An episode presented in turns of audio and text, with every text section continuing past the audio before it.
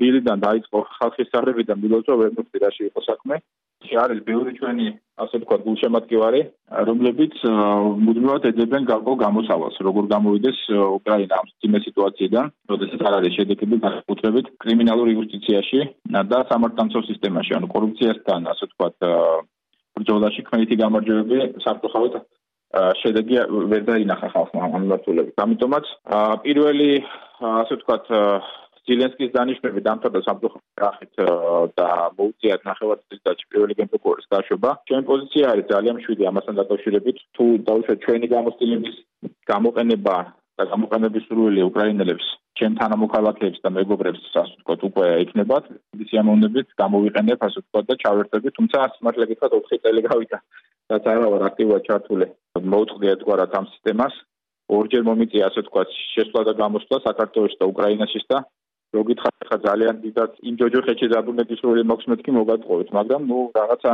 დადები კეთილშობილური ასე ვთქვათ მისწრაფება და ამბიცია რა თქმა უნდა გვაქვს რომ კიდევ ერთხელ დავამტკიცოთ რომ ჩვენი რეპუტაცია ყველა არ არის ვთქვათ და არ არსებობს და შეგვიძლია შედეგების დადება არც ერთმა ქართულმა რომელმაც იმუშავა უკრაინაში თავი არ შევირცხუნეთ ასე ვთქვათ და ამბლად მაგითი ვამოყოფდა. აი ამ ხრის განმავლობაში რაც ზელენსკი პრეზიდენტის უფლებამოსილებას ასრულებს იმ გუნდიდან რომელიც ღირსების რევოლუციის შემდეგ ქართველების იმ გუნდიდან რომელიც მაღალ თანამდებობებზე იყო ვინმე თუ მიიწვია პრეზიდენტმა თანამდებობაზე. იყო მათ შორის ministri იყო კვიტაშვილი და ასე შემდეგ. აღარ ჩამოთვლი ვინმე ვინმე დღესაც ჩართულია რამდენიმე პროექტი როგორც მე ვიცი. დიახ. ჯანდაცვის კონსულტანტის რანგში ამ გონია რომ თვითონ სანდოს დიდი სურვილი კონდეს და იწოდეს ისევ ჯანდაცვის მინისტრად დაბრუნებას, იმიტომ რომ ძალიან თული სფეროა და ჯერჯერობით გაურკვეველია საიტავა ეს სიტუაცია, ან რა რა ხედვა არსებობს.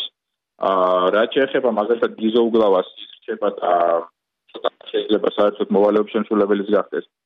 ცენტრალური თავარი ანტიკორუფციული ბიუროში უკრაინის ის პირველი მოადგილეა და კუიებს გამოძიებას ანუ აგრძელებს მუშაობას შეულებრივ. გიზო უგლავაზე საუბრობ ბატონო დავით, ხო დავაზუსტოთ. გიზო უგლავა. დიახ. გიზო უგლავა. ну დანარჩენი პრინციპში ხატია საქართველოსში დაბრუნდა ტექნოლოგიზე. ზღულაძის ადგილსამყოფელი არ ვიცი, შემიძლია გითხრათ, არა გვაქვს კონტაქტი. ანუ ეს არის და ეს პრინციპში. ბატონო დავით, მე რამდენიმე ტოქ-შოუს უყურე უკრაინულ არხზე. თქვენ საკმაოდ კომპეტენტურად საუბრობთ ეს სამართალდამცველი და კრიმინალური იუსტიციის პრობლემატიკაზე უკრაინაში და აი მე გამოხმაურება თუ ქონია თქვენ კონცეფციებს, თქვენ მოსაზრებებს თუ როგორ უნდა ებრძოლოს უკრაინა აი ამ მაღალ ელიტურ კორუფციას, რომელზეც რა ვიცი, ვისაც არეზარება ყველა ლაპარაკობს, აი თუ რაიმე შემოთავაზება ყოფილა მართველი პოლიტიკური ელიტის მხრიდან. კონსულტაცია და ურთიერთობა გვაქვს ბუნებრივი ასე ვთქვათ ახალ ხელისუფლებასთან, დეპუტატებთან, პრეზიდენტის ადმინისტრაციასთანაც.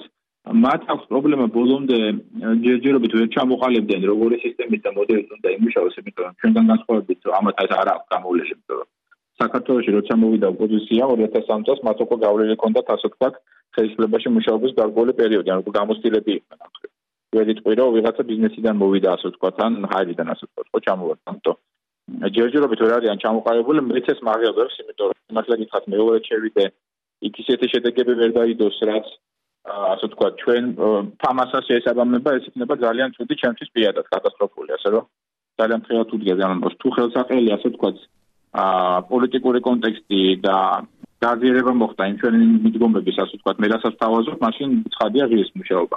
რა პირობებში მიგაჩნიათ თქვენ რომ ღირს თქვენ თქვენს მიერ ამ პოსტზე თანხობა რა შეკრული დიახ. თუ კარგად არ არის შეკრული სამკუთხედი და პასუხისგებელ პოლიტიკურ დიმეწონოსანთა რაღაცა გუნდი, რომელიც პასუხისგებელია სხვადასხვა მიმართულებაზე, მაგალითად პროკურორი, საპროკურორო საქმეზე, შინაგან საქმეთა სამინისტრო და სპეცსამსახური, მაგალითად SBU თავის მონაკვეთზე სასამართლოებთან არ ვიცი ჯერ რა როგორ არის საერთოდ რა რა ურთიერთობა ან ვინ არის ამაზე პასუხისგებელი, იქ რეფორმა ჩატარდეს და ის ახალი პოლიტიკა, ასე ვთქვათ, სისხლის სამართლებრივი ანტიკორუფციული ეს მოდესი მოსამართლესაც, ანუ მარტო მარტო არ აღმოჩნდა, ასე ვთქვათ, ისე ყველანზე და მინდოში.